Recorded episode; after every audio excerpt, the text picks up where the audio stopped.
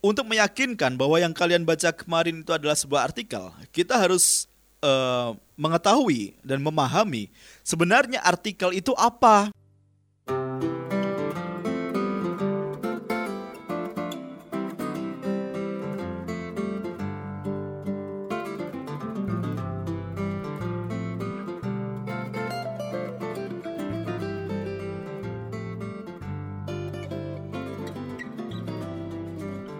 Assalamualaikum warahmatullahi wabarakatuh. Selamat pagi anak-anak Astra Wiraguna semuanya. So asik banget Pak Hamdan ya. Tidak apa-apa, tidak apa-apa. Halo, selamat pagi anak-anak. Kembali di podcast Pak Hamdan Senang-Senang kali ini. Ini apa kabar anak-anak semuanya? Kembali di podcast Pak Hamdan Senang-Senang Kali ini. Kita akan belajar bahasa Indonesia lagi nih. Bosen gak sih sebenarnya kalau misalkan kita belajar bahasa Indonesia pakai media seperti ini terus-terusan podcast terus-terusan dan pastinya juga wah Pak Amdan kuotanya ini Pak Amdan. Tapi gimana lagi Pak Amdan bisanya buat kayak gini anak-anak ya? Kalau mau buat video tambah lagi nanti uh, kuotanya tambah itu lagi ya? Tapi kalau bahasa Indonesia hanya baca-baca nanti kalian juga bosan. Terus bagaimana ini ya Baiklah, sebelum ke pelajaran selanjutnya. Pak Omdan ingin mengucapkan terima kasih sebesar-besarnya, sedalam-dalamnya. Seapa lagi ya?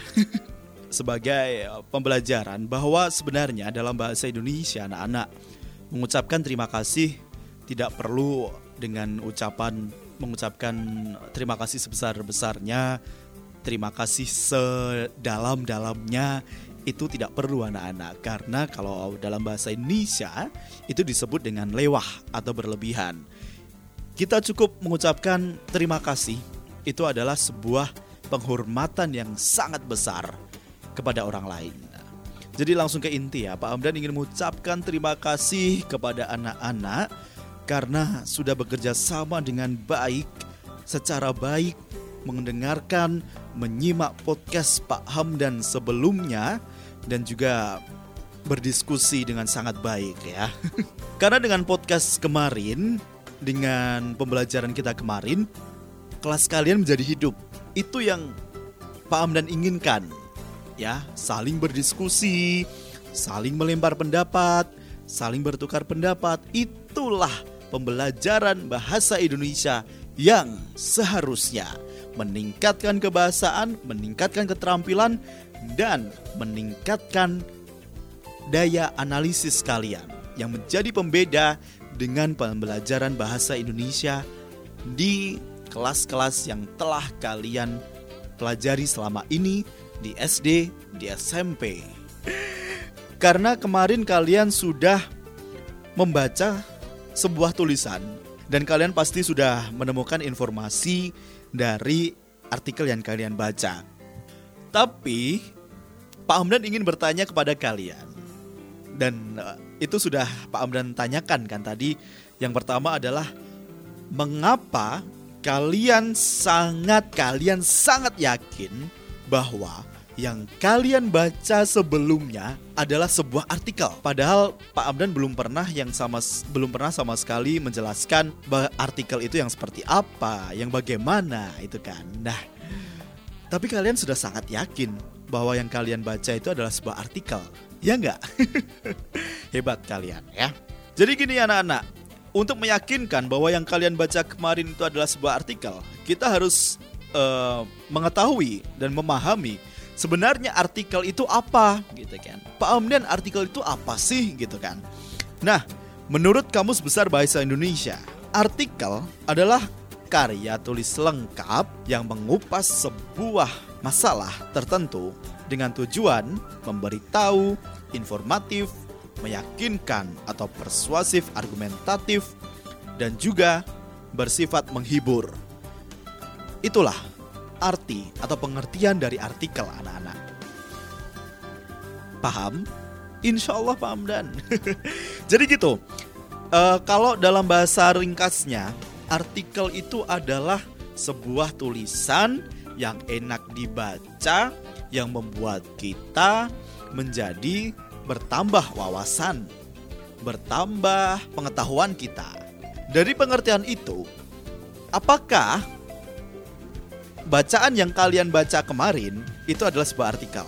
Kalau memang yang pertama itu sebuah tulisan, kemudian enak dibaca dan bisa menambah wawasan kalian, berarti yang kalian baca itu adalah sebuah artikel anak-anakku semuanya. Karena memang artikel itu bukan hanya sebuah bacaan ya, tapi memiliki ciri yaitu biasanya ciri-ciri artikel itu adalah ditulis sesuai fakta, kemudian mengandung gagasan aktual, mengandung unsur intelektualitas atau pengetahuan. Terus menjadi sebuah pertanyaan juga, kenapa Pak Amdan membebaskan kenapa Pak Amdan membebaskan kalian untuk membaca artikel apa pun? Gitu. Karena memang dalam sebuah artikel, artikel itu banyak jenisnya, gitu kan. Menurut jenisnya, artikel itu ada artikel praktis yang pertama. Apa itu artikel praktis? Artikel praktis itu adalah artikel yang mengandung petunjuk teknis dalam melakukan sesuatu. Biasanya ditulis dalam bentuk pola kronologis, ada tahapan waktu, tahapan pekerjaan gitu kan. Atau bisa dibilang adalah sebuah prosedur. Itu adalah artikel, ya.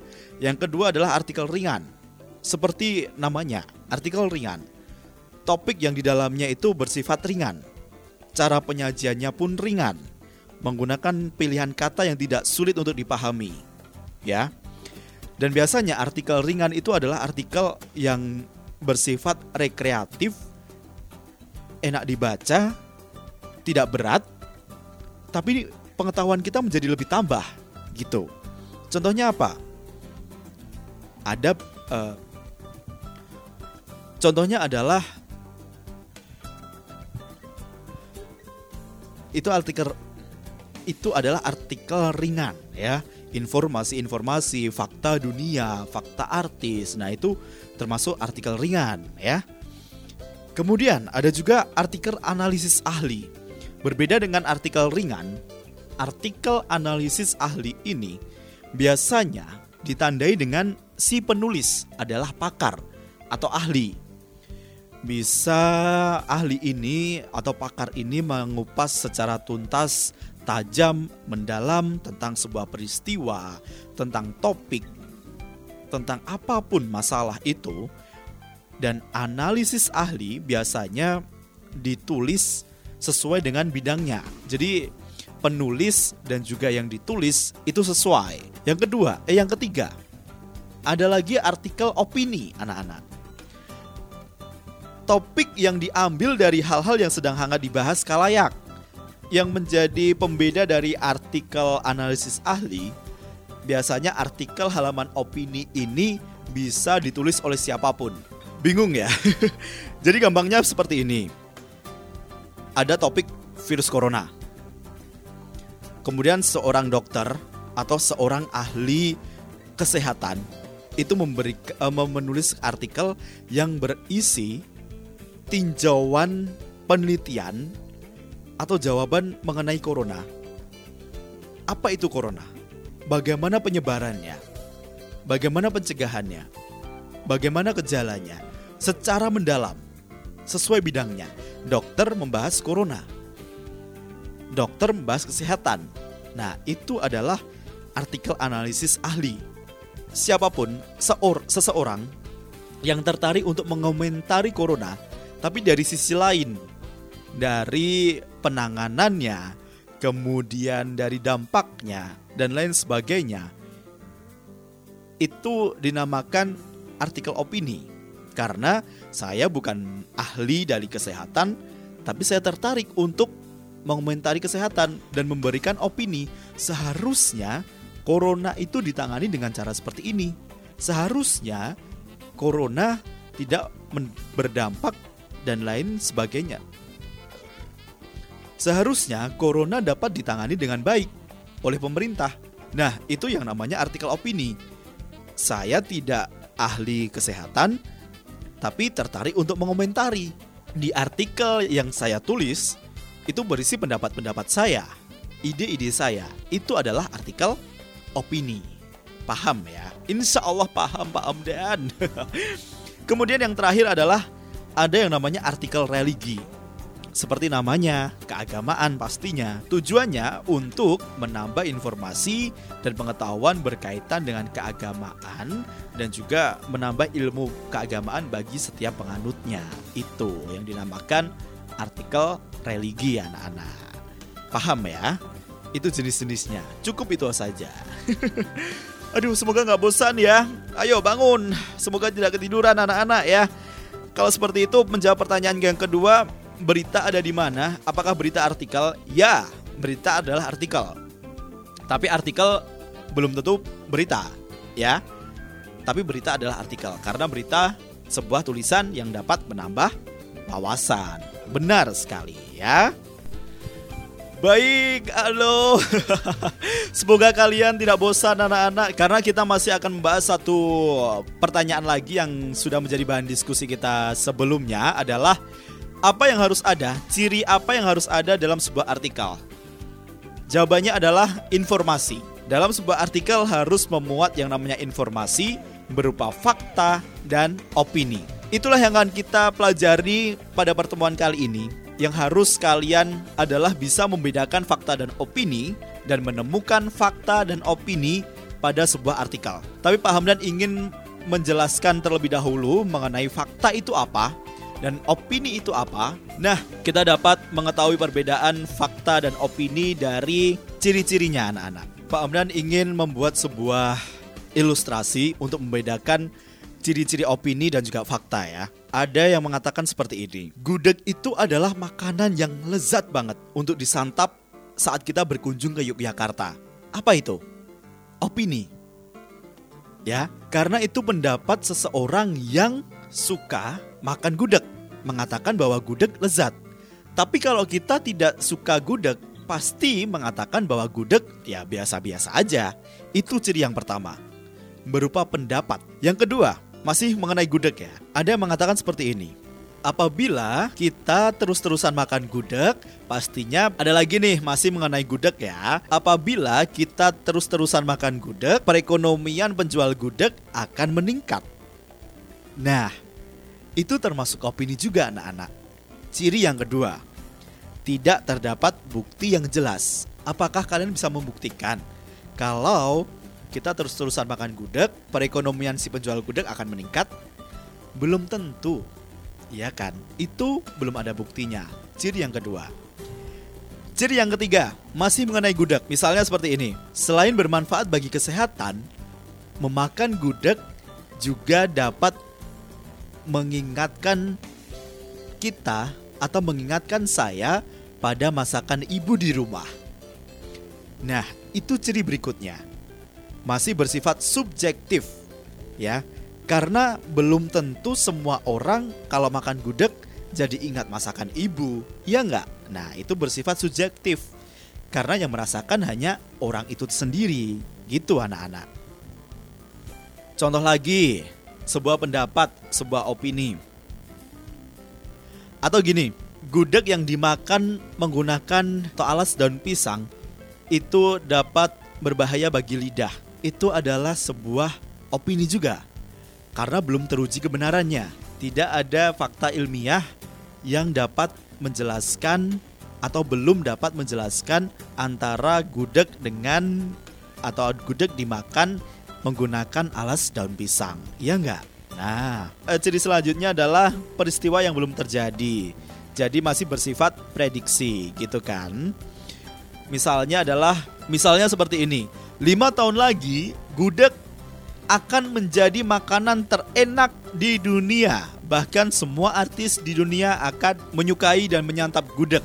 Nah, itu masih prediksi, belum belum terjadi. Jadi itu adalah opini. Ada lima ciri tadi ya, berupa pendapat, kemudian tidak terbukti jelas, bersifat subjektif, belum teruji secara ilmiah, dan belum terjadi anak-anak ya. Terus bagaimana ciri-ciri fakta Pak Omdan? Nah, ciri-ciri fakta apa anak-anak? Nah, ke tinggal gampang dong kebalikannya sama opini kan ya. Kita masih membahas gudeg ya anak-anak ya. tadi kalau di opini gudeg itu eh, gudeg itu. Kalau tadi kalau di opini bersifat subjektif ya. Dikatakan bahwa kalau kita makan gudeg dapat mengingatkan pada masakan ibu. Itu kan subjektif tadi. Nah, objektifnya seperti apa? Bisa dalam bentuk atau pernyataan objektif itu kebenarannya diakui oleh banyak pihak ya. Khususnya oleh badan atau lembaga resmi. Jadi yang ngomong itu bukan hanya sekadar menurut saya kita dapat gitu kan, tapi ada buktinya, ada datanya. Objektif. Misalnya, data dari lembaga swadaya masyarakat yang melakukan survei pada penikmat gudeg di seluruh Jawa Tengah. Pada tahun 2014, data dari lembaga swadaya masyarakat itu menunjukkan bahwa 300 orang yang disurvei, 200 mengatakan bahwa makan gudeg dapat mengingatkan pada masakan ibu. Itu kan ada datanya. Dan di tahun 2015 dari 300 yang disurvei meningkat bahwa 250 orang mengatakan makan gudeg dapat mengingatkan pada masakan ibu. Ada datanya. Ada surveinya. Karena bersifat objektif. Begitu anak-anak ya. Kemudian ciri fakta selanjutnya adalah benar-benar terjadi karena dalam kalimat yang dianggap sebuah fakta apabila situasi yang dipaparkan benar-benar terjadi. Dan situasi tersebut dapat kita lihat secara nyata menggunakan indera kita sendiri ataupun mendengar laporan beritanya dari orang yang berwenang. Dan pastinya fakta itu ditandai dari hasil survei maupun penelitian yang dilakukan oleh ilmuwan, kemudian instansi maupun organisasi kredibel yang bisa dipertanggungjawabkan. Tadi kan kalau misal di opini belum teruji kebenarannya kalau makan gudeg dengan alas daun pisang dapat menyakiti lidah gitu kan atau dapat merusak lidah. Nah, menjadi sebuah fakta kalau memang sudah dilakukan penelitian ada kandungan dari gudeg atau nangkanya, nangka gudeg itu memiliki kandungan zat apa yang dapat bercampur dengan zat yang dimiliki oleh daun pisang, akhirnya bereaksi dengan air ludah di lidah menjadi rusak. Nah, itu dilakukan lab gitu kan. Kemudian ada persenannya, ada bukti datanya gitu. Itu namanya sebuah fakta. Dan keterangan waktunya pun jelas kapan itu terjadi, kasusnya di mana. Nah, itu disebut dengan fakta. Gitu anak-anak. Ciri-ciri fakta dan juga ciri-ciri opini. Jadi, dapat disimpulkan ciri-ciri opini tadi berupa pendapat, tidak terdapat bukti yang jelas, bersifat subjektif, belum teruji kebenarannya, dan peristiwa belum terjadi. Itu atau prediksi. Tapi kalau ciri-ciri fakta benar terjadi, teruji kebenarannya, bersifat objektif, sudah dilakukan survei dan penelitian, keterangan waktu dan tempatnya itu jelas. Gitu anak-anak ya. Atau gampangannya gini anak-anak, opini itu masih bisa diperdebatkan. Sebuah pendapat yang kalau dilontarkan ke orang lain itu orang lain masih berpendapat Allah opo yo iya sih ah mosok nggak percaya nah itu adalah opini tapi kalau fakta ketika kita ungkapkan kita langsung oh iya benar karena ada datanya peristiwa benar-benar terjadi kita bisa lihat dengan indera kita itu adalah fakta dan ciri yang lain atau ringkasnya opini biasanya diikuti oleh kata sifat adjektiva. Misal seperti ini. Saya memiliki mobil yang besar. Itu adalah opini karena mobil besar itu relatif. Tapi yang menjadi fakta, aku memiliki mobil. Ya, paham? Satu kalimat ini. Satu kalimat ini aku memiliki mobil besar. Itu adalah opini. Karena mobil besar itu sesuai dengan kriteria masing-masing pemilik mobil. Tapi faktanya, menjadi fakta adalah aku benar-benar memiliki mobil. Bisa kita lihat dengan indera. Itulah gampangannya fakta dan opini anak-anak. Jadi, kegiatan kalian berikutnya adalah bisa menemukan fakta dan opini dari artikel yang akan saya berikan kepada kalian anak-anak ya. Begitu anak-anakku. Semoga kalian gak bingung ya. Kalau gak bingung langsung kita chat aja. Dan chatnya di grup ya agar teman-teman yang lain juga mengetahui dengan pasti. Gitu ya anak-anak ya. Jadi kegiatan kali ini adalah menemukan fakta dan opini sesuai dengan ciri-ciri yang telah Pak Amdan berikan. Gitu anak-anak. Semoga kalian masih bersemangat. Pelajaran kita kali ini adalah menemukan fakta dan opini. Kita sudah mengetahui ciri artikel, kemudian jenis informasi yang ada di artikel yaitu fakta dan opini, cirinya seperti apa, bentuknya seperti apa. Kalian sudah saya jelaskan. Semoga kalian tidak bingung. Kalau bingung langsung tanyakan dan kegiatan kalian selanjutnya adalah silahkan temukan fakta dan opini dari artikel yang Pak Amdan berikan berikut ini. Bagaimana cara pengerjaannya, teknisnya seperti apa, sudah ada di dalam artikel tersebut. Tetap semangat anak-anak, selamat menjalankan aktivitas kembali. Pak Amdan sayang kalian semua. Jangan lupa bahagia. Pokoknya kalian harus bahagia, ikhlas hati bahwa semua ini demi masa depan kalian. Terima kasih Pak Amdan pamit. Sampai jumpa di podcast selanjutnya. Love you anak-anakku. Assalamualaikum warahmatullahi wabarakatuh.